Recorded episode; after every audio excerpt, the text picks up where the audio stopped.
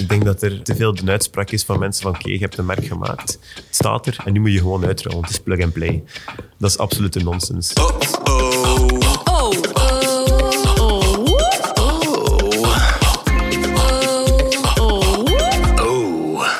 Welkom bij de podcast van Only Humans, waarin we op zoek gaan naar sterke mensen achter merken en hun unieke verhalen. Ook vandaag werpen we een open blik op het marketinglandschap in al zijn gedaantes. Hier bij ons zit Peter van Praat van Bavet. Hij slaagde erin op een paar jaar tijd een tiental Bavet-restaurants over heel België te doen opduiken.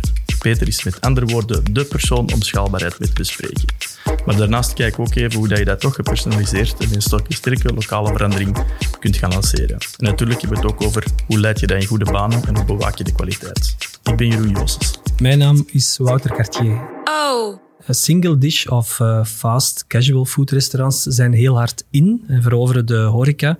We kennen de hotdogs van Jeroen Meus. Um, ondertussen bestaan zij niet meer, maar de gehaktballen van Wim Bayeux en de frieten van Sergio Herman zijn alleszins heel aanwezig. Um, andere concepten, zoals de Advocado Show in Amsterdam en Brussel, zijn ook speciaal in die zin dat zij allerhande gerechten serveren met avocado. Bavet, het spaghetti-restaurant dat ondertussen heel hard gegroeid is de afgelopen eh, drie jaar of vier jaar, um, gaat daarin nog een stap verder. Um, zij voegen daar ook merchandising en een heel unieke beleving aan toe. Um, Bavet slaat aan Peter, van harte welkom in onze podcast. Ik wil mijn eerste vraag uh, aan jou stellen en dat is waarom heb je in der tijd voor spaghetti gekozen als gerecht in Bavet? Uh, dank u, Wouter, uh, voor de intro en dank u ook, Jeroen. Spaghetti, um, goede vraag. Um, ik denk dat we in der tijd gekozen hebben voor spaghetti, omdat het een product is waar je heel veel mee kan doen. Je kan het, het, het, Belgische karakter ermee uitstralen in je locaties. Je kan het heel rock and roll brengen. Het is lekker. het is comfort food at its best. En je kan er heel veel combinaties gaan maken. Je kan ook de vegan en de, en de, de healthy trend goed gaan opvolgen ermee. Um, uh, het is comfortfood, zoals ik eerder zei. En, en het past ook gewoon top of mind bij iemand uh, die uh, tijdens de week of in het weekend gaat nadenken van oké, wat ga ik vanavond eten? Of ik heb een goede sportsessie gehad of ik ga met vrienden iets gaan eten. Dan is spaghetti toch wel een, een, zeer populair product. Net zoals pizza en, en hamburgers natuurlijk. En um, wij hebben ervoor gekozen om echt te focussen op die Belgische spaghetti. Om, er zijn heel veel pasta-concepten en ik uh, apprecieer die al een heel, uh, ik apprecieer die enorm. Um, maar dat zijn wij niet. Uh, een pasta-concept moet je je pasta top al dente koken. En wij gaan hem soms een keer iets op de Belgische manier gaan koken. En ik denk dat dat ook mag. Ik denk dat dat geen probleem is. en er is daar zeker ruimte voor in de markt. Um, dus dat was een heel leuk product om mee te gaan werken. Um, financieel gezien zitten de marges ook heel goed op dat product. Uh, je kan ook een bepaald volume gaan aanbieden naar je klant toe. En um, ja, je kan het gewoon ontzettend lekker gaan maken en, uh, en in een leuk jasje gaan serveren. En uh, dat is toch hopelijk wat wij proberen te doen, dag in dag uit. En ehm, voilà. Oké, okay, cool. Kan je jezelf even meenemen naar de begindagen van hoe ben je op het idee gekomen? Waar ben je eigenlijk zelf je carrière begonnen? goeie vraag. Ik heb ik had niet zoveel affiniteit met de, met, met de horeca, of liever gezegd de hospitality. Um, ik, heb, uh, ik heb wel al tijdens mijn studentenjaren uh, in, in, in heel wat horecazaken gewerkt. Uh, waaronder één horecazaak, De Mikke in Oostduinkerke. En dat is wel ja, het stekrestaurant bij uitstek. Inderdaad. en, uh, daar heb ik toch wel uh, geleerd wat dat hard werken is en, en hoe dat je mensen kunt serveren. En, en dat was wel een fantastische ervaring, die twee jaar daar. Um, later heb ik ook nog andere vakantiejobs gedaan. maar toch altijd dat ik wel, allez, zag ik wel dat ik een bepaalde beleving wou brengen naar, een, naar de klant toe. Um, en ja, dat zat wat in mijn achterhoofd, denk ik. Ik ben daarna gaan studeren in Gent na mijn studies uh, ben ik gelukkig, uh, heb ik het geluk gehad eigenlijk om, om een strategisch project op te zetten in, in Londen. Dat was voor een bedrijf die uh, actief was in het kunstgras. En dat was net tijdens de Olympische Spelen die daar toen plaatsvonden. En dat is eigenlijk een fantastisch verhaal geweest van A tot Z, waarbij ik echt de, implementatie kon doen van dat merk, zowel B2B, B2C, um, en eigenlijk in het centrum van Londen kon gaan wonen. Um, machtige kans gekregen, die ook gegrepen met beide, met beide handen. En uh, ja, dan doe je iets uh, in Londen, hè, buiten, ja, buiten werken. Dan ga je natuurlijk eens naar buiten. En ja, dus het is nog altijd, denk ik, ik, ga er, probeer er nog naartoe te gaan, twee maal per jaar. De bakermat van nieuwe concepten. Um, en uh, ik denk zelfs soms nog meer, allez, zeker toch in, in, in het segment fast casual, nog meer dan, dan, dan in New York bijvoorbeeld. Ehm, en dan zie je daar fantastische zaken opduiken en dan gaat er een hele nieuwe wereld voor je open. Uh, ik eet ook heel graag. Ik ga graag, uh, ik graag met vrienden uiteten. En um, ja, daar zie je dan die segmentering eigenlijk. Hè. Je, hebt, je hebt fastfood. Je had dan fast casual. Nu heb je ook al uh, heel populaire chef casual nu ook. Hè. Die chefs die, die iets wat, wat meer naar die fine dining opgaan, maar dat die dan toch tussen een 20 en een 25 euro of, of pond ticket price zitten. En dan heb je natuurlijk de casual dining, die zit daar meestal boven. Um, en fast casual zijn dan meestal, gaan we meestal gaan uh, vergelijken met, met, de, met de burger chains enzovoort. En daar zag je in, uh, in Londen toch uh, heel wat andere concepten opduiken. Ik, ik, herinner me nog Wagamama. ik herinner me nog veel Mexicaanse tenten enzovoort. En um, ja, dat was gewoon fantastisch om te zien. En, en daar een, een modelletje rond te maken. En meer en meer begon ik mij de vraag te stellen van oké, um, ik, ik, wil misschien ondernemend zijn, ik wil ondernemen. Um, en, en ik voel, doordat ik vaak uh, terug uh, reisde naar, naar, naar België, dat er toch een enorme opportuniteit lag in de markt hier, uh, in dat segment. Um, en er waren al enkele pioniers, denk ik, in, in, in, in de burger in het burgersegment. En toen hebben wij uh, samen uh, gezegd van oké, ik heb gelukkig, ik zeg hier wij samen, we hebben gelukkig met enkele mensen uh, van begin af aan kunnen starten met het Bavet-concept. En ja, dat was een schot in de roos van bij de eerste week en de eerste maand. En tot op vandaag heb ik daar nog geen moment spijt van. En met veel plezier kijk ik erop terug en kijk ik ook naar de toekomst. Ja, want die toekomst die komt er wel aan. Hè. Er, komen, er zijn er vandaag tien, denk ik. Um, tien restaurants. Ja. Er zijn plannen om uh, ook Wallonië en Nederland te gaan, te gaan veroveren. Kan je daar iets over vertellen? Ja, dat klopt. We hebben tien restaurants. Uh, we hebben een fantastisch jaar achter de rug. Um, het voelt echt goed nu op dit moment. Um, we hebben een collectie van restaurants. We spreken nooit over keten. Uh, we proberen altijd uh, de uniekheid van een bepaald pand ook te gaan respecteren, authenticiteit terug te brengen in een, in een leuk rock and roll jasje. Um, met dan enkele brand icons die, die steeds terugkomen per locatie. Uh, dus ja, tien locaties. En inderdaad, uh, ik hoor je daar Wallonië en Nederland zeggen. Inderdaad, twee volledig andere markten. Ik denk dat Bavet daar wel klaar voor is op dit moment. Ik denk dat we dat ook wel moeten doen. We moeten dat gaan proberen. We moeten ons, uh, ons, ons merk gaan positioneren in een andere markt. En gaan zien hoe, dat, hoe de klant zich daar eigenlijk op reageert. En um, ik denk dat Luik en Maastricht twee steden zijn, omdat we, twee steden bij uitstek, om dat te gaan proberen. Um, we gaan daar in dit voorjaar nog open gaan. En um, ik heb er enorm veel zin in om die, die markt te gaan verkennen, ja. Ja, want het zijn wel twee heel andere, andere culturen. Hè? Zoals je zegt, heb je, ook, ook in Vlaanderen kijk je nog verder? Ja, ja we zijn nog altijd uh, stevig op zoek in Vlaanderen. Hè? Ook Antwerpen, uh, de derde in Antwerpen komt er ook aan. Die zal er zelfs misschien nog eerder aankomen dan, uh, dan Maastricht en Luik. Dus die panden liggen vast. Uh, het gaan gewoon wel kijken uh, hoe en wat, hoe complex het, het, het bouwen ervan is.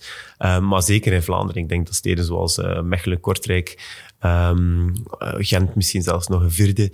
Uh, Antwerpen 3, 4, dat er nog zoveel opportuniteit is. Brussel ook, um, dat, ja, dat we daar nog uh, zoveel ruimte hebben uh, om, om te, gaan te gaan exploreren. Dus, dus ik denk Vlaanderen zeker. En Maastricht en de Luik zijn de eerste testers in die, in die twee verschillende markten. Ja, oké. Okay.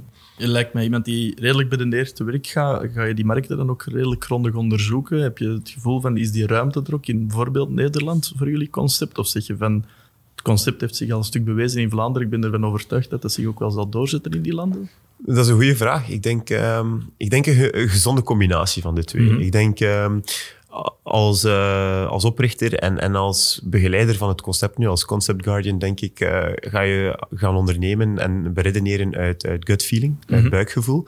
Um, maar een, een, bedrijf die nu toch al een bepaalde schaal heeft, uh, zoals ons, kun je niet zomaar nog uh, opportunistische keuzes gaan maken. Dus ik denk een gezonde combinatie van één, uh, je goed gevoel bij een stad, daar een paar keer naartoe gaan, goede wandelroutes doen, zoeken waar dat de hotspots liggen in de stad, veel opzoeken over de stad, daar ook zijn, daar slapen, daar leven, daar ademen, daar eten.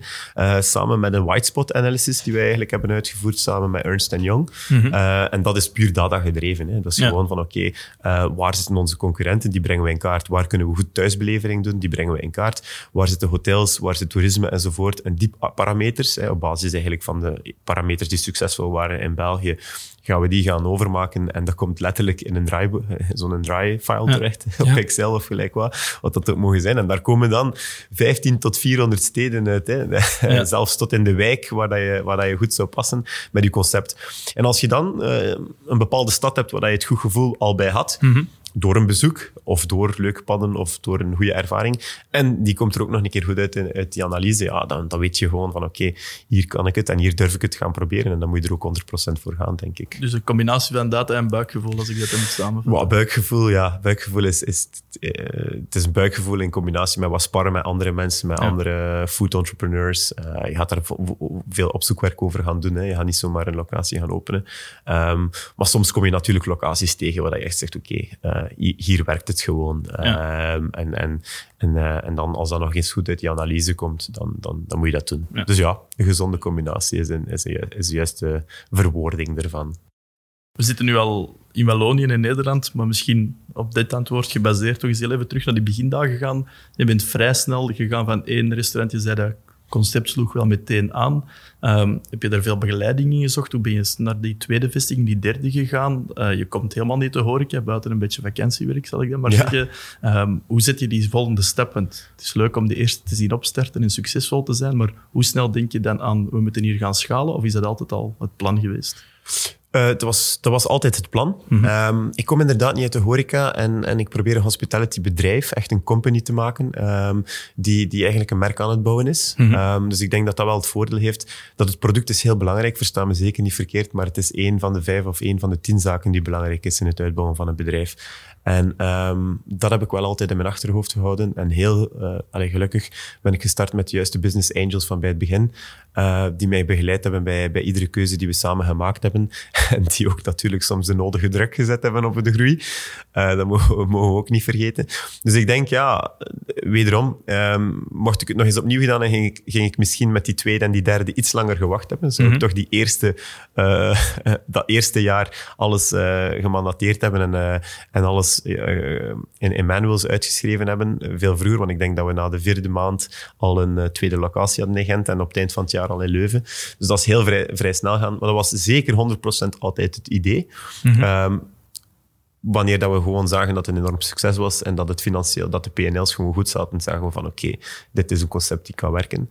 Uh, ik heb daar heel veel juiste begeleiding van gehad. Um, maar ik denk voornamelijk in het uitbouwen van een bedrijf, in de juiste structuur, in de juiste operaties. En ik denk dat dat altijd onze sterkte is geweest uh, met Bavet. Ik denk... Um, ze hebben dat gezegd, de party in the front. Nee, ja, party in the front en nee, business in the front en party in the back. Ik denk uh, dat dat bij ons juist omgekeerd is. Ik denk dat je altijd bij Buffett binnenkomt en dat je ziet van, oh, dat is party gedreven, maar onze, onze backend is zo geoptimaliseerd en we hebben echt een mooi bedrijf daar rond opgebouwd.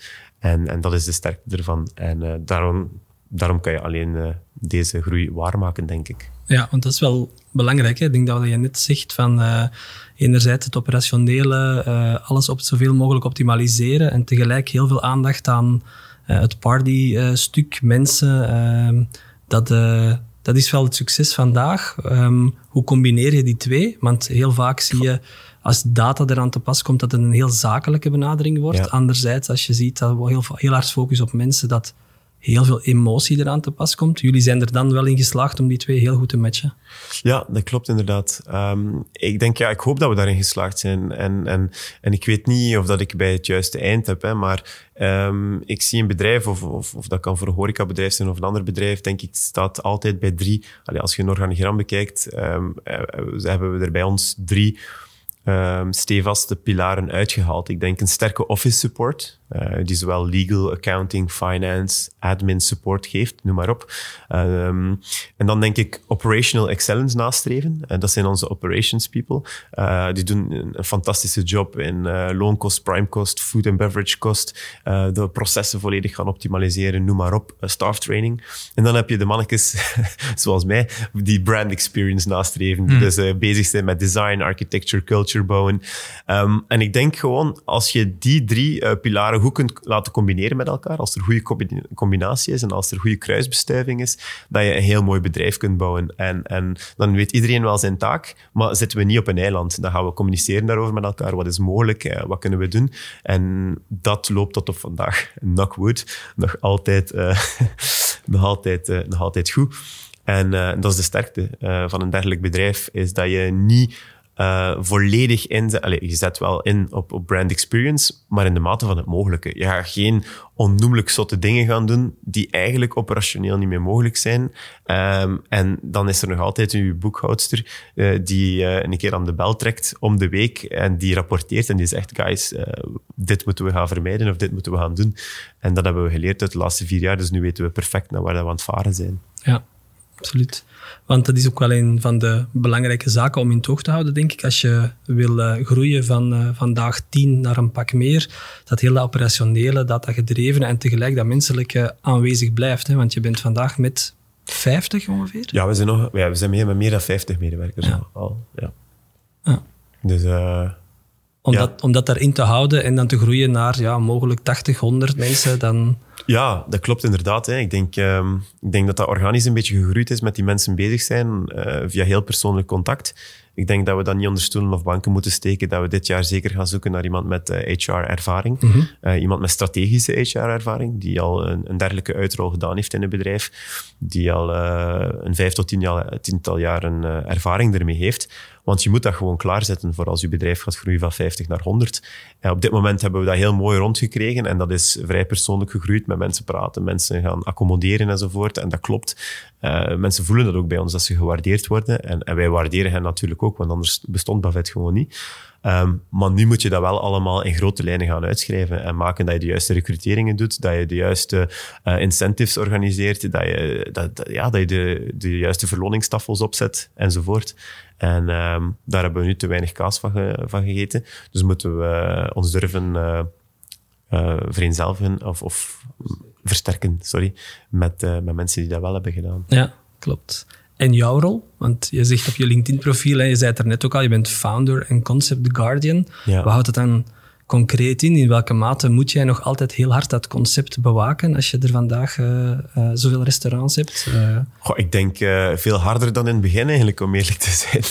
ik denk dat dat het belangrijkste is in, in onze toekomst. Um, ik denk dat er te, veel de uitspraak is van mensen van oké, je hebt een merk gemaakt, het staat er en nu moet je gewoon uitrollen. Het is plug and play dat is absolute nonsens in mijn ogen. Ik denk, ik, Concept Guardian hebben we, heb ik mij altijd zelf genoemd, omdat dat ook is wat ik doe. Ik, ik bewaak het concept, ik kijk naar de business intelligence, ik ga gaan kijken wat zijn er opportuniteiten, waar kunnen we nieuwe panden gaan zoeken, wat is business development. Uh, en het is een beetje uh, het, het overkoepelende. Hè. Ik ben natuurlijk uh, deels CEO, zaakvoerder slash founder. Um, maar we steken niet onder stoelen of banken in, in een verdere groei en een nog agressievere groei. Ja, dat, er daar een, dat we daar een CEO moeten bijzetten, bijvoorbeeld. En dat ik mij louter en alleen ga, bijhouden, uh, ga bezighouden met de cultuur van het bedrijf. Mm -hmm. Een merk uh, groeit, een merk evolueert, een merk wordt gemaakt door de mensen die er samen mee aan werken. En uh, dat is heel belangrijk dat dat ook bewaakt wordt en dat dat begeleid wordt. En dat is meer dan een fulltime job. Uh, dat is een nachtjob, soms, yeah. om het zo te zeggen. Dus ik denk, uh, ja, dat omschrijft een beetje wat ik dagelijks doe. En ik doe dat heel graag. Okay. En, voilà. Als je het hebt over cultuur en dergelijke, want we hebben het nu al even gehad over spaghetti, de food zelf. Maar jullie zijn ook wel bezig met een stuk beleving, een stuk de bar, de comedy, dergelijke. Kan je het concept, de cultuur is goed schetsen voor ons? Wat houdt Bavet in? Iemand dat Bavet niet kent, wat mogen we bij jullie verwachten? Ja, um, ik denk in eerste instantie gaan wij 100% inzetten op dat product en dat product goed brengen op een andere manier dan dat je het nergens zou kunnen vinden. En ik denk dat we dat nog steeds zoals op vandaag doen. Mm -hmm. Dan gaan wij een, een heel gezellige sfeer gaan creëren. Um, en gaan we proberen ieder pand uniek te maken, waar je eigenlijk op je gemak die spaghetti kunt gaan nuttigen met je vrienden, met je uh, lief of met wie dan ook, met die familie. Um, en daarnaast gaan wij echt zwaar inzetten op community building. En dat doen wij door uh, tal van events, zowel outhouse, waarbij dat we echt op festivals gaan gaan staan, als in-house. Uh, en dat is echt een kaart die wij nog meer gaan spelen in, in de toekomst. in-house events zijn bijvoorbeeld de comedy nights, de angel nights, carpet sessions, waarbij dat we lokale artiesten laten, laten optreden in, in, in onze restaurants. Mm -hmm. En daar, dat, dat is totaal niet uit winstbejag. Hè. We gaan daar eigenlijk totaal geen commercieel verhaal van maken. We mhm. proberen daar echt in te spelen op de community, mensen te verwelkomen, te leren, ons product te leren kennen en daar eigenlijk op die manier uh, hen uh, van Bavet uh, ja, duidelijk te maken wie dat we zijn. Dus um, om op uw vraag terecht te komen, schets een keer wie dat Bavet is. Ik denk Um, een supercoole accommodatie, waar je een hele lekkere spaghetti kunt eten uh, voor de prijs waar, waarvan je hem niet kunt maken thuis. Oké. En een lekkere pint erbij natuurlijk ook. Hè. Ja, absoluut. Dat is uh, een mooie samenvatting. Uh, daar komt jullie slogan Made for Friends misschien ook al een stukje uit voortgevloeid? Of hoe moeten we die categoriseren? Dat klopt 100%. Hè. Je hebt dus Made for Friends en Spaghetti for Friends. Het zijn een beetje de twee taglines waar dat we nog mee spelen. Mm -hmm. Spaghetti for Friends is, is, is, geeft Allee, dekt wat meer de lading. Maar het Made for Friends verhaal is zo waar. Um, made for Friends on both sides of the table, zoals Danny Meyer, uh, een van de gurus in, in hospitality, ook altijd zegt uh, in, in, New York, is um, zorg ervoor dat zowel de medewerkers uh, content zijn met wat ze doen en wat ze dagelijks, dat ze hun missie en visie ook, ook uit, uit doen schijnen en dat ze dat, dat, dat, graag doen. En dan zal dat onmiddellijk ook um, uitgestraald worden naar de, de persoon aan de tafel. Dus het, het, verhaal is gewoon puur made for friends, wat het ook zegt. Hè. We, maken die spaghetti voor jou om die uh, perfect uh, in een leuke sfeer te gaan, te gaan eten tegen de juiste prijs. En, en, en eigenlijk um, ja, ik denk dat we gemaakt zijn voor mensen die graag hun vrienden mee uitnemen naar uh, een hele leuke experience. Je hebt altijd wel, denk ik, in je vriendengroep één of twee individuen die niet, liever doen dan een leuk avondje organiseren mm -hmm. en die eigenlijk een, een, leuke experience creëren rond de hele vriendenkring, daarna nog een pint gaan pakken. En dat willen wij een van die top-of-mind uh, destinations zijn waaraan dat je denkt van, oh, let's go to Buffet. Uh, which what, een comedy night, we gaan daar naartoe. Uh, oh, of tis, tis, tis, er speelt een bandje vanavond. Of we gaan gewoon een keer los op een maandag of een dinsdag naar Bavit. En, en we willen dan nog zoveel meer doen en doortrekken uh, in, in de gehele lijn. Ik denk, we zijn nu aan het, uh, aan het denken om ook uh, per stad uh, wielertours te organiseren. Uh, dat we de woensdagavond een tour doen, een begeleide tour van ongeveer ja, 90 tot 100 kilometer mm -hmm. in, in twee verschillende groepen. Um, je kunt u daarvoor inschrijven. Mensen krijgen een wielertruitje, ze eten achteraf een pastaatje bij ons, drinken een schoefje of, of welk bier het ook mogen zijn. En, uh, of ja, natuurlijk een sport. een waterke kan ook. Ja. Maar dat is gewoon leuk. Uh, zo bouw je gewoon aan een merk. Uh, en, en dat maakt het zoveel sterker, denk ik, om die 25 mensen waarmee je gaat gaan fietsen te overtuigen uh, en je verhaal ook te gaan vertellen. Uh, zij worden dan opnieuw ambassador van je merk. En, en hoeveel geld dat je er ook aan, aan, besteedt of niet, of tijd dat je eraan besteedt, als je het met liefde doet, zal het beter overkomen dan dat je x amount of money investeert in, in een marketingbudget en die mensen dan goh, één keer bereikt wanneer dat je zo over hun social media scrollen. Dus dat is absoluut de kaart die we willen spelen, mm -hmm. ja. Mm -hmm. Bij zien we ook meer en meer echt als een merk opduiken. We hebben al eens wat merchandising gezien en dergelijke. Heb je daar nog veel ambitie in die richting? Ja, ja we, zijn nu, uh, we zijn nu eigenlijk aan het uh, kijken om de webshop uh, volledig up-to-date te maken. Dus we gaan een webshop op onze website ook zetten waarin dat je kunt doorklikken en dat je eigenlijk al die merch kan gaan bestellen. We hebben dat eigenlijk geïntroduceerd ehm, in ja, het perspectief van, van de warmste week. Dus we hebben al drie jaar meegedaan met de warmste week. En nu hebben we eigenlijk merchandise gaan verkopen. onder andere sokken, grote schorten, uh, grote bavetten, kleine bavetten. we hebben gezien mhm. dat dat eigenlijk een fenomenaal succes was. We hebben daar een prachtige actie ook mee gedaan naar de warmste week, um, met een leuke schenking. Maar we zien gewoon ook uh, dat mensen gewoon ons merk willen dragen. Dus ik denk uh, voor iedere marketing of brand guy dat je dan... Um, ja, als je dan de vraag stelt van oké, okay, ga je daar iets rond opzetten? Ja, zeker. Uh, die sokken gaan we commercialiseren. We gaan leuke t-shirts maken in een samenwerking. Uh, en ik weet nog niet of ik dat mag uitspreken, maar dat gaat met Musketon zijn. Een, een, goede, een topartiest uit het Gentse. Mm -hmm. Dus t-shirts maken, die mutsen commercialiseren, ja, dat op de website, website zetten, dat je dat online kunt bestellen. Maar ja, nu verloopt dat nog via ons. Mensen sturen een Facebook berichtje. Ja, we doen dat nog altijd heel graag, maar ja. uiteindelijk zijn we meer aan het rondrijden dan wat anders. En um, wederom, niet zozeer uit commercieel belang. Mm -hmm. uh, want ik zeg wel commercialiseren, het is eigenlijk niet de juiste benaming, want ja, we gaan dat wel aanbieden aan een prijs dat heel makkelijk is om te geven als een gift of, of, of aan te doen gewoon als een kous. Zodanig dat je hem in, in een, een of andere winkel of in de Veritas zelf kan kopen, maar je draagt gewoon wel ons merk en mensen vinden dat gewoon leuk. Ja. En we zien dat er daar interesse is, dus uh, we gaan dat ook gaan doen. En dat is echt gegroeid vanuit een beetje organisch die warmste week, ja. of zeg je dat ook al in Londen verschijnen bij die merken, dat die daar toch ook... Oh, ja ja, ik denk wel heel veel merken in Londen doen het wel. Hè. Heel veel uh, foodbrands uh, gaan, gaan dat ook zo, zo gaan doen. Maar je moet kiezen ervoor. Hè. Ofwel zeg je, wij kiezen ervoor omdat we gewoon zoveel meer zijn dan die spaghetti. Wij, wij ambiëren ons ook zoveel meer dan die spaghetti, want uw moeder of uw grootmoeder maakt nog altijd de beste spaghetti. Dus als je op onze menukaart kijkt, we make the second best. En we proberen daar alles daar rond ook superleuk te doen. Uh, en als je en, en veel merken kiezen daar ook voor om merchandise te gaan doen. Andere merken niet, omdat die puur gefocust zijn op de food. Iedereen heeft daar zijn eigen, uh, zijn eigen visie over. Mm En wij hebben gewoon gezien dat er daar enorm veel interesse van was, uh, over was. En dat je zoveel meer ambassadors kunt maken. Dus gaan we dat ook doen daaruit, ja. Oké perfect. Ik zeg uh, in jullie concept ook dat jullie de, de, bieren, de speciaalbieren en dergelijke, toch ook wel sterk mee willen gaan aanbieden. De bar ook nog een belangrijk onderdeel. Is dat ook iets waar je zegt, daar zien we nog wel wat de mogelijkheden liggen? Ja, dat is zeker een mogelijkheid die we nog te weinig, waarin we nog te weinig op, uh, op inspelen. Ik denk dat uh, een spaghetti zowel met een glas wijn als met een goed glas bier perfect samengaat. Uh, of met een alcoholvrij bier, wat ook hmm. mogen zijn. Uh, maar gewoon het bar-element uh, ervan moeten we, moeten we beter uitspelen in de toekomst. Ik denk als we naar steden gaan gaan, zoals Berlijn, Parijs, Amsterdam, um, dat dat een enorme meerwaarde kan zijn voor de mensen, dat ze daar voor een hele avond kunnen komen, of in twee shiften bijvoorbeeld. Um, maar dat we echt dat bargedeelte ook kunnen gaan, gaan aanbieden. En um, als je met een bar werkt, kun je ook heel veel local heroes, zoals dat wij ze noemen, gaan aanbieden. Dus lokale brouwerijen gaan stimuleren. Um, dat maakt het iets makkelijker, want ons food staat ja, zo goed als vaste menukaart. We gaan wel af en toe lokale initiatieven daarop proberen te zetten, maar dat, dat is vrij moeilijk als je mhm. je rentabiliteit wilt um, garanderen.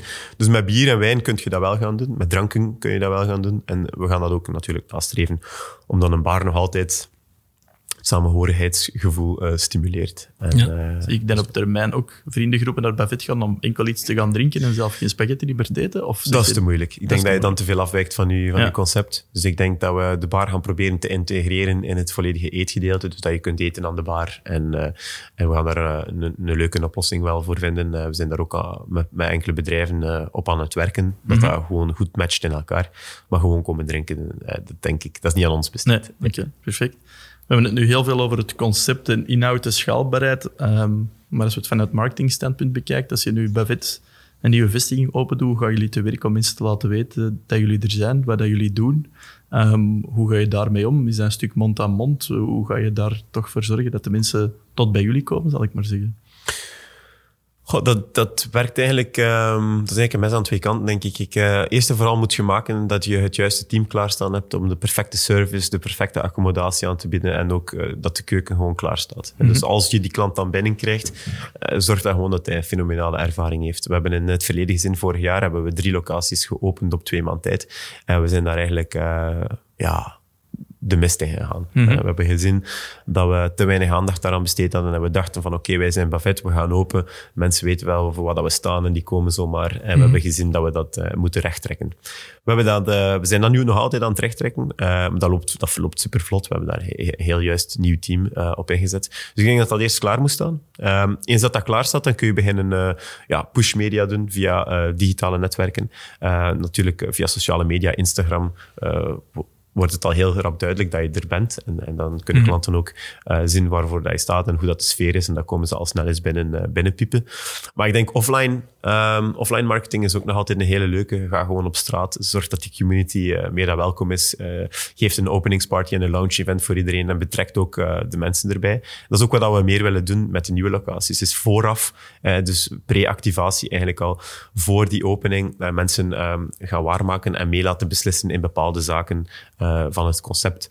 Um, het, zal, het, kan heel interessant zijn in Luik bijvoorbeeld om, om de favoriete topping te laten kiezen door, um, door de mensen die, die eromheen wonen. Uh, we hebben ook altijd een muze in iedere bavet. Dat is een, een bekende uh, persoon van die regio of omgeving waarin dat we gevestigd zijn, die op de muur staat. Uh, dat kan heel leuk zijn als je de omgeving laat meekiezen wie die muze mag zijn. Um, ook wie, welke bieren ze willen proeven in, in, in de komende maand enzovoort. Dus ik denk dat we pre-opening daarop moeten inspelen, tijdens opening, die maand van opening, heel hard moeten inzetten in die mensen en die dan het concept willen leren kennen, dat dat ook de juiste ervaring is. En uh, alles wat erna komt, uh, ja, dat gewoon, gewoon goed op awareness inspelen en vooral die community uh, aanboren die reeds geïnteresseerd is in je concept. Mm -hmm. en die dat daar ook eigenlijk in feite akkoord mee is om daar ja. boodschap aan te ontvangen, denk ik. Ja. We hebben dat ook gezien. Uh, ik denk in het vorig jaar hebben we ingezet heel zwaar op digitale, uh, digitale marketing. Ehm, en je zag dat we soms, dat mensen eigenlijk die, niet, die dan niet geïnteresseerd waren in, in het merk, of die niet geïnteresseerd waren in een boodschap over het merk, ja, dan ga je die mensen toch wel gaan innerveren als je te veel uitstuurt. Eh, als mensen zich reeds engageren, uh, geïnteresseerd zijn in wat je uitstuurt, dan vind ik dat perfect. En ik denk dat we dat net meer gaan doen, die smaller communities gaan uitbouwen, die mensen, uh, allez, een wielergroepje, mm uh, wat studenten en zo samen verzamelen en, en, daar de juiste boodschappen naartoe sturen. En dan gaat die groep alleen maar groeien, want die mensen gaan ook het, het, het, het woord uitsturen naar, naar hun omgeving en zeggen van, hey, guys, um, like this page, en dan kun je dat volgen en dan kun je zien welke specials. En dan kun je, ja. Ik denk dat dat een beetje de insteek ervan is. Okay. Ja. De locatie groter maken of bekend maken. Um, daar past, uh, past ook reviews in, denk ik. Hè? En uh, ik denk dat jullie daar ook veel, uh, veel waarde aan hechten of veel aandacht aan besteden aan heel het reviewverhaal. Ja. Um, heel concreet, hoe, hoe ik heb zelfs eens gelezen, denk ik, ik heb een research gedaan, dat jullie zelfs een soort KPI zetten op, of een soort target zetten voor de restaurants van een bepaalde review score te halen. Klopt dat? Of? Ja, dat klopt. Hè. Um, KPI is, is een, een, hard woord. um, nee, we gaan, we gaan dat eigenlijk um, perfect gaan meten. Uh, we werken daarvoor samen met onze partner RD Happy. RD Happy verzamelt is eigenlijk een platform die alles wat over ons merk gezegd wordt verzamelt. Uh, waar dat wij eigenlijk um, uh, op een twee, drietal uur per dag zeker kunnen gaan monitoren van oké, Um, wat loopt er fout? Wat is er goed? Die reviews gaan analyseren en daar eigenlijk tags aan gaan toewijzen. Is het product-wise? Is het accommodation-wise? Is het service-wise? Ik zeg maar drie dingen. We hebben verschillende tags. En zo kunnen wij eigenlijk gaan zien per locatie van oké, okay, waar moet er meer aandacht aan besteed worden en waar niet. En uh, we gaan ook in interactie met de klant. Ik denk customer engagement is zo belangrijk de dag van vandaag. Uh, ga vragen aan de klant, oké, okay, zelf al heeft hij vijf sterren gegeven. Wat was nu zo goed aan jouw ervaring? En daarop kunnen we verder inspelen. Als hij één ster geeft, twee ster, wat is het probleem? Waar kunnen we u verder helpen? Dan gaan met die klant ook proberen in interactie te gaan. Niet via het, de review zelf, want dat is een beetje opzichtig. Ik denk dan proberen we privé met die klant een, eh, de communicatie verder te zetten. En dan echt wel uh, te gaan uitspitten tot in, het, uh, tot, tot in detail van wat is er daar eigenlijk fout gelopen. Um, dus we gaan dat echt gaan monitoren, we gaan dat goed gaan opvolgen. Er staat daar iemand dagelijks op. Dan hebben we daarnaast ook nog... Voor voor mijn, mijn eindtool zou eigenlijk zijn dat... Um, en dat is bedrijfsgewijs gezegd dat iedere klant eigenlijk een mystery shopper wordt.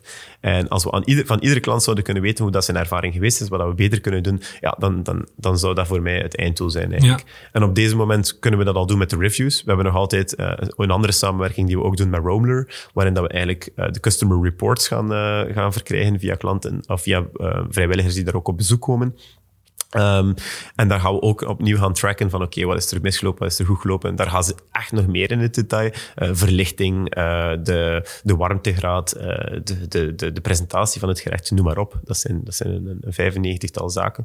En zo brengen we dat allemaal eigenlijk in kaart, waar we eigenlijk een NPS-score gaan mee gaan berekenen. een NPS-score per locatie en natuurlijk een volledige corporate NPS. Um, en um, proberen we die, die, die score hoger te brengen met het hele team, wat dat vandaag fenomenaal aan het lukken is. Um, dus ik, ik, denk wel, we zijn daar vorig jaar mee begonnen. We zijn 12 maanden ver, of 13 maanden ver, met heel dat traject. En dat is echt wel, dat is echt wel goed aan het lukken. Je ziet echt wel dat, dat mensen daar ook zelf, medewerkers, deugd aan hebben dat dat cijfer ook stijgt en dat die reviews ook stijgen. En dat ze ook zelf weet, beginnen te weten van oké, hoe kan ik mijn boel goed runnen en wat, wat heb ik verkeerd gedaan? En, en pas op, iedereen kan een slechte dag hebben. Uh, dat kan absoluut.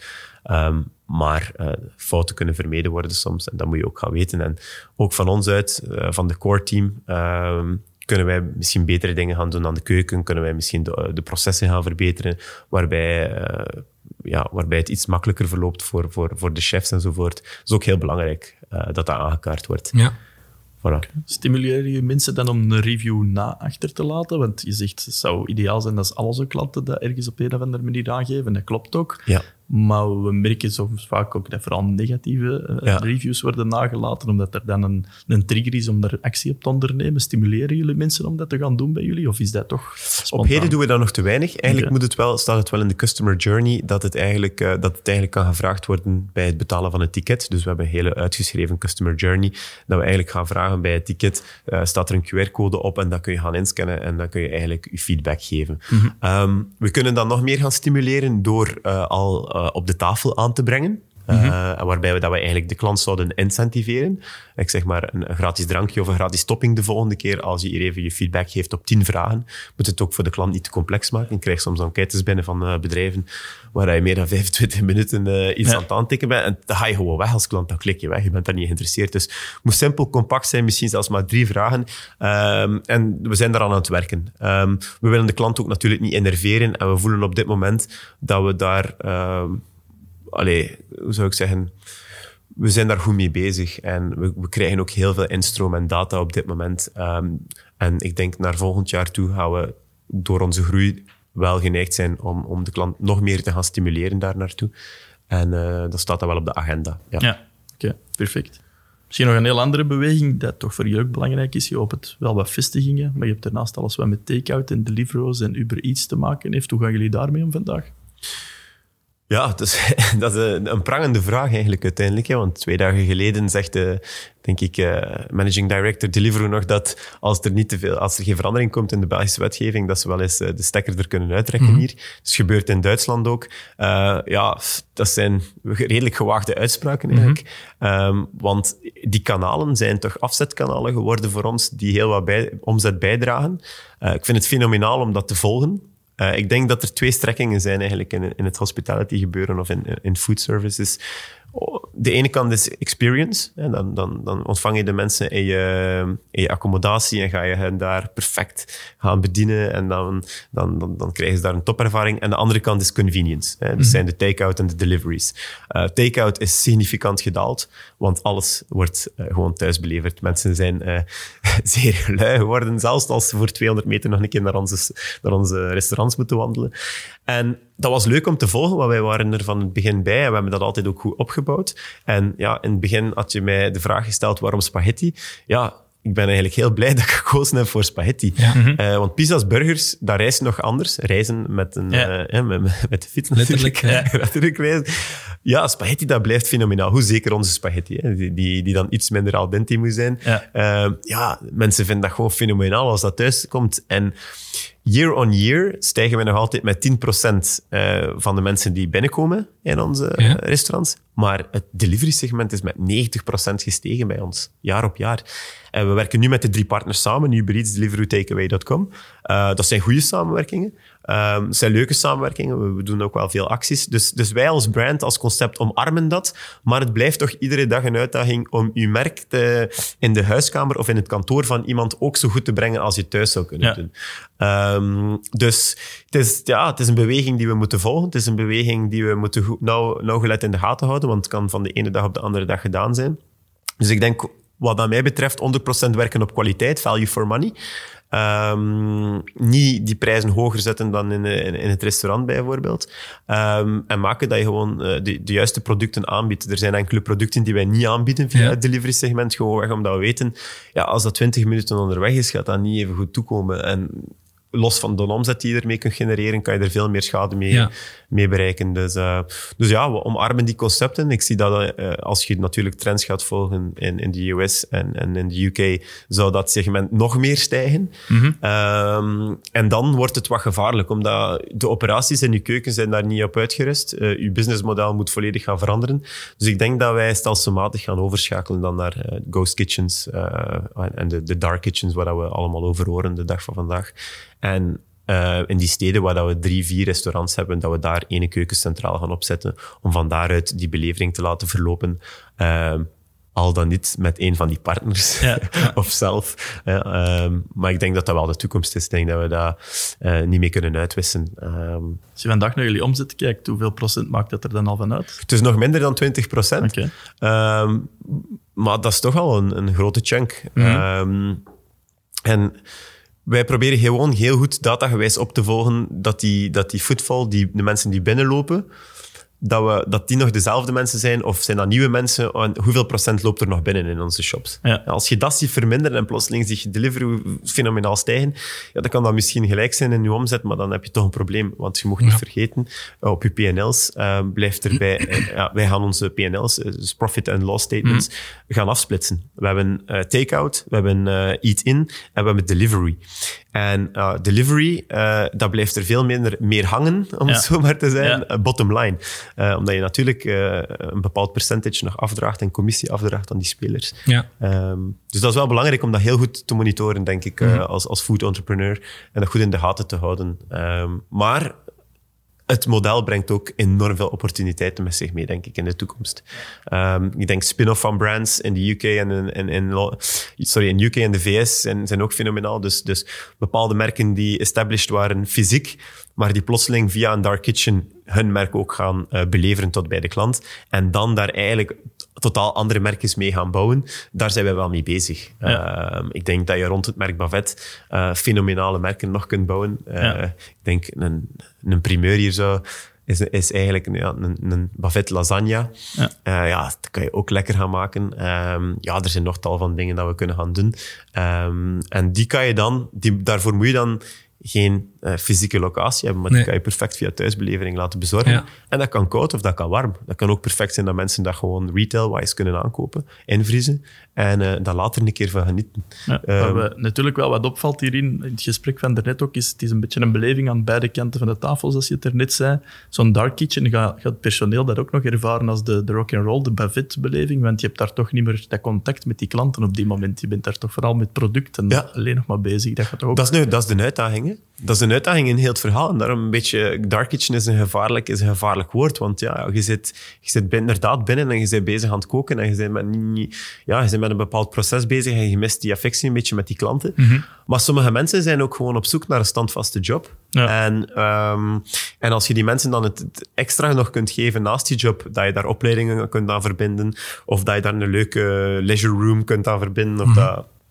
Allee, noem maar op, dat, dat ze daarin in kunnen scholen, denk ik, geloof ik daar echt wel in. Ja. Allee, de, de tewerkstellingsgraad optimaliseren eh, is, is, is mogelijk en wij willen daar alleen als ondernemer aan bijdragen. En, uh, en ik denk um, dat je keuken gewoon niet dark moet zijn. Ja. Nee, Laat ze niet koken in een kelder, maar zorg dat er mooie lichtinval is, zorg dat er ook uh, dat er wat uh, natuur is, dat er, dat er wat, wat inspiratie van hen ook kan bijgebracht worden. Misschien kunnen ze zelf een eigen merkje lanceren. Ja. En als dat niet lukt, oké, okay, dan haal je dat gewoon even van het platform offline en doe maar nog een keer een nieuw merkje. En zo kunnen ze ook zelf gewoon creatief bezig zijn. Ehm, dus, dus, het is leuk. Uh, het, is, een leuk model. Dus uh, ik ga het zo zijn. Directeer ik dat dan in dat een beetje het ondernemerschap per vestiging ook wel wat aangemoedigd mag worden? Of wordt ja, het vandaag? Ja, Dat mag, ja, dat mag zeker. Uh, in de mate van het mogelijke dat het natuurlijk binnen het, uh, binnen het merk past. Maar ik denk als je, als je ervan uitgaat dat je de juiste mensen hebt en dat zij het DNA van uh, Bavet ook dragen, dan uh, mag entrepreneurship uh, binnen iedere locatie zeker. En we hebben daar al fantastische resultaten mee geboekt. mensen die met de hekste ideeën komen enzovoort. Okay. En dat wordt ook geapprecieerd door de klant. dus dat is, dat, is, dat is echt wel leuk. Ja. Zijn er zo voorbeelden? Dat je zegt van iemand binnen Bavet of die bij jullie werkt die leuk of een origineel idee gelanceerd heeft, waar je dan echt mee aan de slag bent gegaan?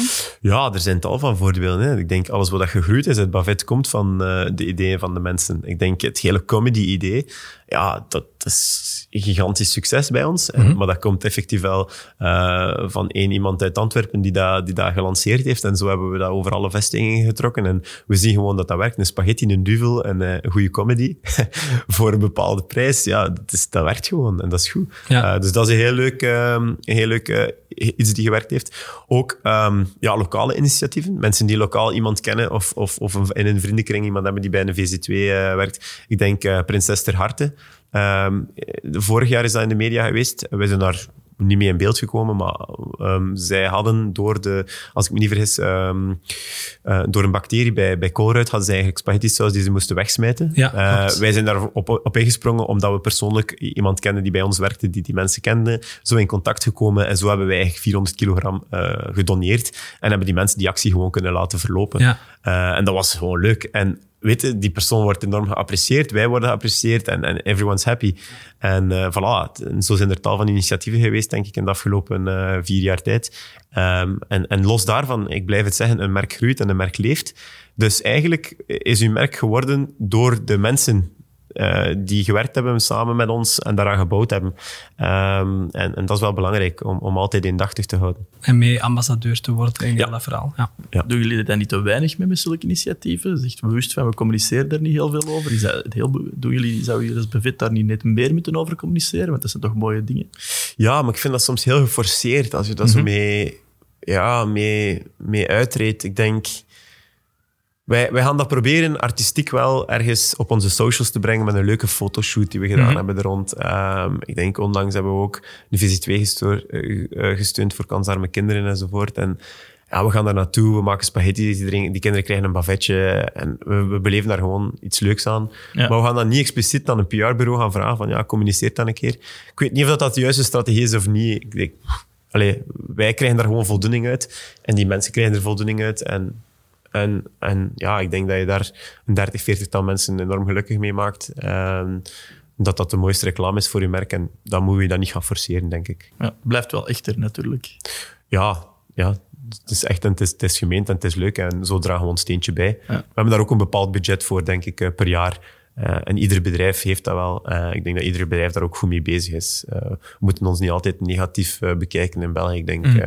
dat heel wat bedrijven daar goed mee bezig zijn en, en om iets terug te geven aan de samenleving. Dus, ja. dus dat is wel goed.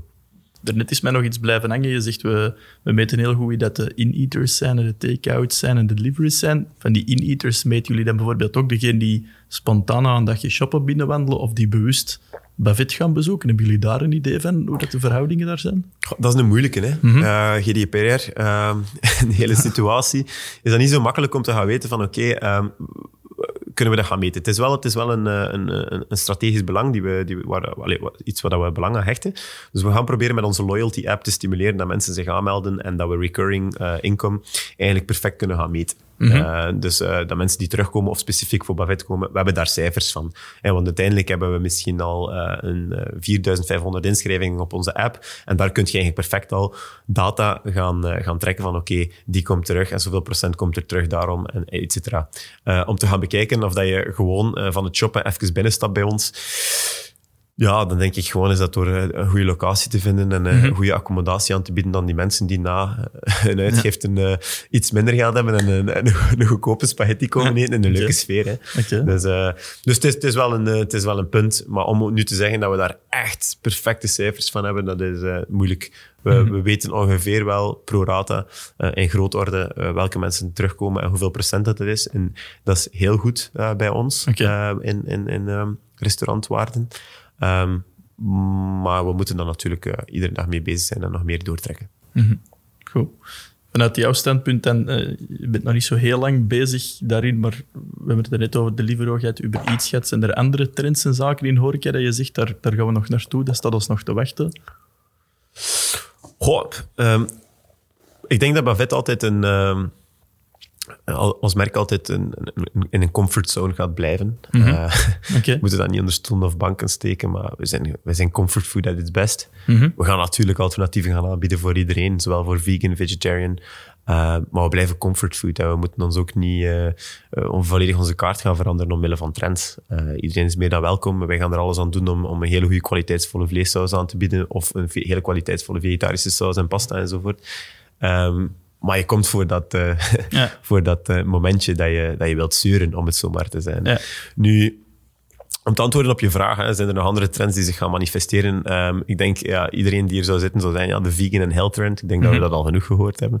Um, ik denk eerder aan het feit, allee, als we echt kijken verder in de toekomst, denk ik dat er... Um, dat mensen zijn meer en meer gefocust op al die wearables. Mm -hmm. Dus, uh, en en uh, wat, wat kan mijn lichaam aan en wat wil ik eten en welk soort dieet moet ik volgen? Uh, wat zijn mijn intoleranties enzovoort. Mm -hmm. Dus ik denk, het pers de persoonlijke, ik denk um, dat we enorm gaan personaliseren in foodaanbod. Dus okay. dat je een app zal hebben of een, een, iets wat je ook zal zeggen wat dat jij mag en wat kan eten op welke dag ook van de week. Um, dus dat we heel zwaar gaan personaliseren. Okay. dus zie je al in de States dat het al begint met calories maar niet alleen maar calories, maar kilojoules, uh, andere zaken, energie en zo wordt allemaal in kaart gebracht. Dus ik denk dat we over een, een, termijn van vijf jaar perfect gaan weten na een sportsessie of na een dagdagelijkse werksessie, wat dat we eigenlijk nodig hebben op dat moment aan magnesium, zink of, of welke voedingsstoffen dan ook. En dat, um, dat grote foodspelers daarop gaan inspelen met uh, suggestive foodselling. Ehm, en dan denk je dat, je, dat, je met, dat we met dark kitchens um, een enorme voorsprong kunnen hebben omwille van het feit dat je dan eigenlijk heel snel tot bij die klant eigenlijk gaat kunnen maken wat dat hij nodig heeft op die moment. Mm. Uh, en dat zal convenience zijn, maar dat zal ook filling zijn voor die klant, want hij weet, oké, okay, dit zijn de, source, de resources die ik nu nodig heb, dat wordt gemaakt voor mij en ik heb dat binnen 20 minuten binnen ja. bereik. En um, dat is voor de ene persoon anders dan bij de andere persoon. Maar zo, uh, ja, ik, zie daar een enorme toekomst in wel. Uh, zowel in, in, in, voedingsstoffen als in natuurlijk ook uh, dranken enzovoort. Heeft dat een invloed op de kostenstructuur, denk je dan? Want personaliseren zorgt er toch voor dat je meer op maat moet gaan maken, waardoor dat je minder ja, schaalbaar maar de klant gaat er enorm veel meer voor betalen. Hè? Ja, uh, ja. Als de klant perfect weet uh, wat dat zijn dieet is, of je kunt daar echt een recurring, uh, recurring model van maken, dat hij bij voor drie of vier keer echt wel gaat koken voor de klant op maat. Mm -hmm. um, en dat, maar dat hij daar wel moet voor intekenen met een abonnement van x amount of time. Um, ja, en... en het kan zo zijn dat ze enkele restaurants gaan voorstellen binnen het portfolio van die klant dan. Um, of dat ze daar echt wel zelf voor gaan koken. Maar ik zie daar gewoon enorm veel potentieel in. Uh, de klant gaat er ook veel meer voor betalen. Ik denk, uh, de hele hype rond personal trainers. Als je nu ziet hoeveel, hoeveel dat mensen ook betalen voor een, een uur te kunnen sporten met mm -hmm. iemand die eigenlijk maar gewoon naast je loopt. Ja. ja allee, maar ik, ik breek ze zeker niet af. Die mensen doen fantastisch werk. Maar zo zie je ook natuurlijk dat, uh, dat, dat alles heeft zijn prijskaartje en mensen zijn bereid om zoiets te betalen. En uh, ja, ik denk dat het bij voeding toch wel een keer raak zou kunnen zijn. Oké, zeker. Uh, misschien nog een beetje beter Peter leren kennen vandaag de dag. Hoe, hoe sta je s morgens op? Wat motiveert jou om uit bed te komen? Hoe moeten we jou als persoon definiëren achter Buffett? Ja, uh, ik ben al een tijdje bezig met uh, te proberen de 5 AM club na te streven. Okay. dat is echt moeilijk. Je kunt dat drie weken soms vasthouden, maar, maar, maar, het werkt wel goed. In de winter is het moeilijker dan in mm. de zomer, heb ik zo het gevoel. Uh, dus ik sta heel graag vroeg op. Ja. ik denk, je hebt mensen die heel graag laat werken. En je hebt mensen die heel graag vroeg werken. Ik ben een van de vroege vogels. Um, gewoon omdat mijn brein dan beter werkt, denk ik. Dus ik probeer echt wel uh, tussen vijf en zes op te staan. En um, eigenlijk doe ik dat nog te weinig, maar dan ga ik proberen een 20 minuten tijd te nemen om, om wat media te lezen. Mm -hmm. uh, meestal niet digitaal. Om 20 minuten te eten en 20 minuten een klein beetje beweging te doen. Dus dan is je uur eigenlijk uh, van vijf tot zes al gevuld. En daarna, ja, dan, gaat, dan begint je werkdag en je kunt zoveel doen voordat iedereen begint te telefoneren ja. om negen uur. Uh, dus zo begint mijn dag meestal. Uh, mijn vriendin vindt dat niet altijd zo aangenaam. Nee. Nee. maar uh, ik probeer dat wel door te trekken. Ik, ga daar wel, ik geef daar wel veel aandacht aan. en dan denk ik, ja, geen ene dag heeft mij nog gevoeld als een dag dat ik aan het werken ben. Okay. en dat is heel belangrijk, denk ik. De dag dat ik ga voelen, oei, ik moet naar het werk. Of ik zie er tegenop dan heb ik een probleem. Mm -hmm. uh, en uh, in mijn karakter, denk ik, moet ik dan iets anders zoeken. Ja. Um, maar op heden heb ik dat nog niet gehad. Dus iedere dag stimuleert mij enorm om met verschillende projecten bezig te zijn. Uh, dat heeft meestal te maken met expansie. want we hebben een fantastische COO binnen ons team, die eigenlijk de dagdagelijkse leiding neemt. dat is, zij is twee jaar geleden gestart, Eva Eurlings. En um, ja, dat heeft mij eigenlijk de vrijheid gegeven om opnieuw te kunnen ondernemen, nieuwe panden te gaan zoeken, business intelligence te gaan doen, uh, aan, business intelligence aan doen, het brand te gaan de brand te gaan ontwikkelen.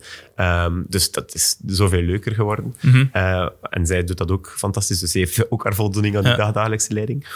Dus ik denk, ja, hoe vroeg opstaan, uh, uw dag vullen met zaken dat je heel mm -hmm. graag doet. Um, probeer heel gezond te eten, uh, maar ook af en toe zeker te zondigen. Ja, ja. en dat moet ook zeker in, ja. uh, in, in mijn beroep, denk ik, uh, dat, je, dat je af en toe de concepten moet gaan smaken. En veel sport. Ja, okay. Ik sport ontzettend. Ik probeer toch veel te sporten. Ik probeer toch tussen de vier en de vijf keer te sporten in de week. Um, en ieder jaar heb ik wel bepaalde doelstellingen in verschillende sportdisciplines. Um, ik, heb, um, ik heb nog Ironmans gedaan, maar okay. ik heb er nu iets te weinig tijd voor. Mm -hmm. Allee, dat is een flauw excuus ik ben gewoon verliefd geworden op mountainbiking. Ja. En ik heb een hele goede mountainbike partner gevonden die, die met mij uh, een topwedstrijd wil rijden in, in augustus. Mm -hmm. Dus ik ben me daar nu volledig op aan het focussen. Ik ben nu bezig met uh, vermogenstraining. Um, dat is uh, twee keer in de week s'avonds. Mm -hmm. Dat is echt afzien, een uur en een half op die rollen. Ja. En dan in de week ja, ga ik nog eens gaan lopen, gaan zwemmen en combineer ik dat met een, met een toertocht mountainbike of zo. Okay. dus dat, dat drijft gewoon mijn leven. En dan natuurlijk leuke dingen doen met mijn vriendinnen, met mijn vrienden samen. Uh, ja, Ik denk dat dat... Uh, dat mijn, ja, het was eigenlijk een van mijn vragen, maar je beantwoordt al een stuk. Je kan dan wel op tijd stopzetten, want vroeg beginnen, dat is denk ik leuk. Maar dan wordt de wereld wakker en de wereld gaat op zijn tempo verder. En dan moet je toch op een bepaald moment ook kunnen zeggen, mijn dag stopt hier wel ergens om nog aan die sport te kunnen beginnen. Ja. Want ik neem aan, als je zoiets uit de grond stapt, je bent gepassioneerd erdoor, dat het moeilijk is om te zeggen, ik stop nu er even mee, ik laat het even los. Nee, dat is eigenlijk vrij makkelijk. Uh, dat gaat voor mij vrij makkelijk. Uh, ik denk, ik heb met verschillende ondernemers gepraat. En ik denk dat ik daar mijn ouders zo dankbaar mag voor zijn, of wie dan ook, die dat in mijn DNA gestopt heeft. Mm Omwille van het feit dat ik daar echt kan eh, stopzetten. Okay. Uh, als ik sport heb, dan heb ik sport. En daarna ga ik eten en dan neem ik nog de tijd om met mijn vriendin te praten. Uh, en heel uitzonderlijk wordt er wel eens gewerkt. Als er iets belangrijks afgewerkt moet worden of zo, tot, tot s'avonds. Um, maar ik kan het wel stopzetten. Dus zeker als ik uh, ga slapen enzovoort, uh, kan ik wel uh, mijn, mijn, slaap benutten en word ik ook niet wakker. Ja, ik heb op vakantie ook echt het werk naast je neerleggen, of toch niet helemaal? Ja, ik heb onlangs mijn gsm allee, ja, alles afgezet voor zeven dagen. Oké. Ja, dus fenomenale ervaring. Een aanrader. Ja, het is echt... normaal zeggen ze dat je dat drie weken moet doen, maar ik heb het voor zeven dagen gedaan. het is echt mega cool. Ook achteraf? Als je hem terug aanzet? Ja, dat is vrij vlot verlopen eigenlijk. Uh, ik had hem uitgezet, ik had het nummer gegeven van mijn uh, vriendin. Dus als mhm. er echt iets urgent was, dan konden ze bellen. En mensen wisten dat gewoon allemaal. En uh, uw oude vaffie staat aan, dus die zeven dagen moet je van niks aantrekken. En dan heb je plotseling tijd te veel. Um, en daarna ben ik enkele zaken gaan, gaan toepassen. Um, die mij nu nog altijd helpen. Hè. Dus WhatsApp, notific alle notifications staan af aan mijn gsm. Uh, WhatsApp okay. enzovoort staat af. Um, social media zet gewoon bepaalde parameters dat je niet meer dan zoveel x amount of hours kunt kijken erop. Uh, maar ja, jij bedoelt natuurlijk als je aftrag hem weer aanzet. Ja. ja, wist dat gewoon. Ja, ja, ja, heb je dat nooit gezien. Hebben ze je vriendin gebeld of niet? Nee, ze hebben niet gebeld. Nee, nee. nee. Dus maar ja, ik zeg het, hè, uh, we hebben een super CEO die alles leidt, iedere dag. Dus ja. Oké, absoluut. Want je zei op reis gaan, maar reizen is wel ook een belangrijk stuk hè, erin. Uh, in, in wat je graag doet, hè, of een van je hobby's, denk ik. Hè? Ja, reizen, nieuwe culturen leren kennen, uh, natuur exploreren.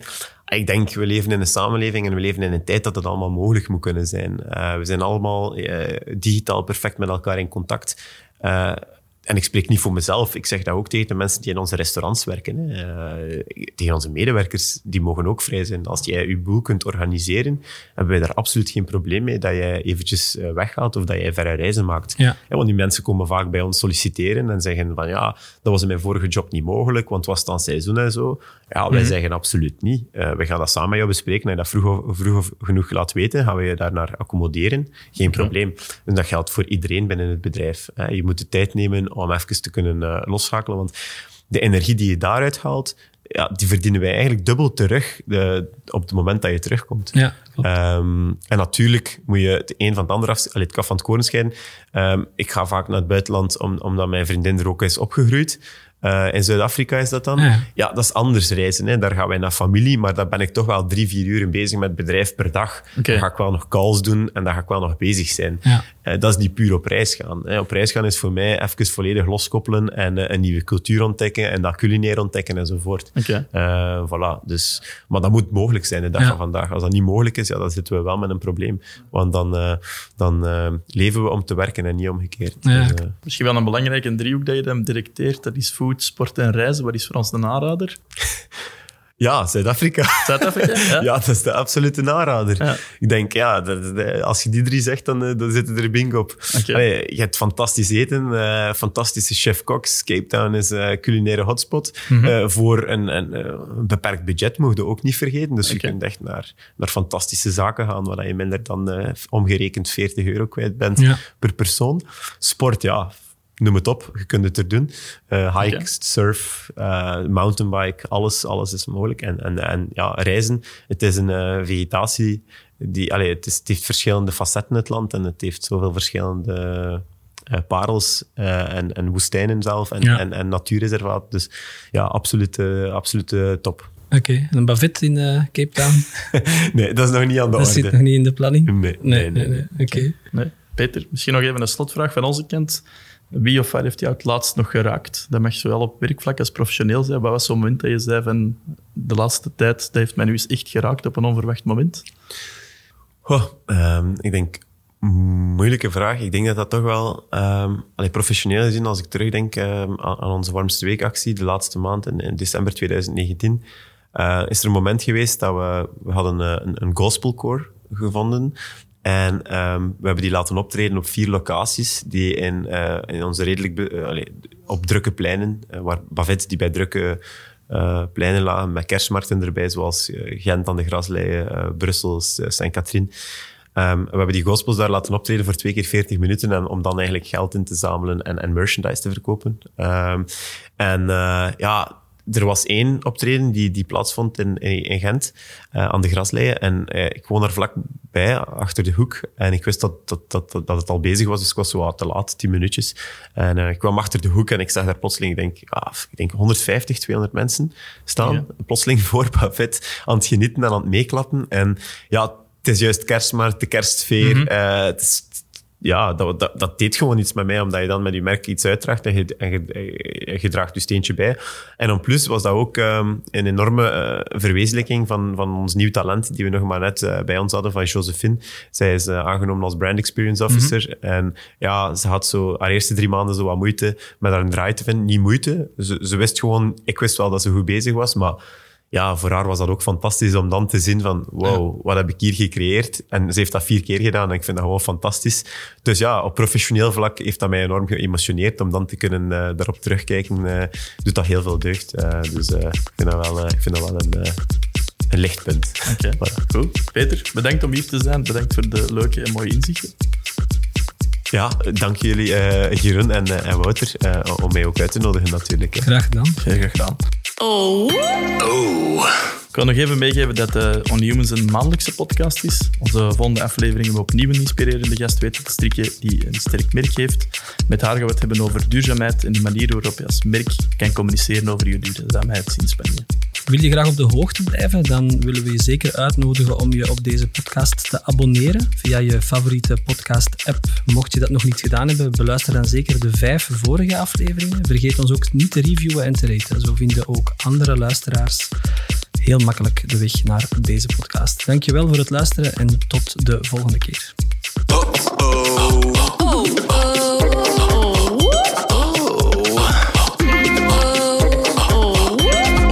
Ik ben uh, Peter van Praat en je luisterde naar Only Humans.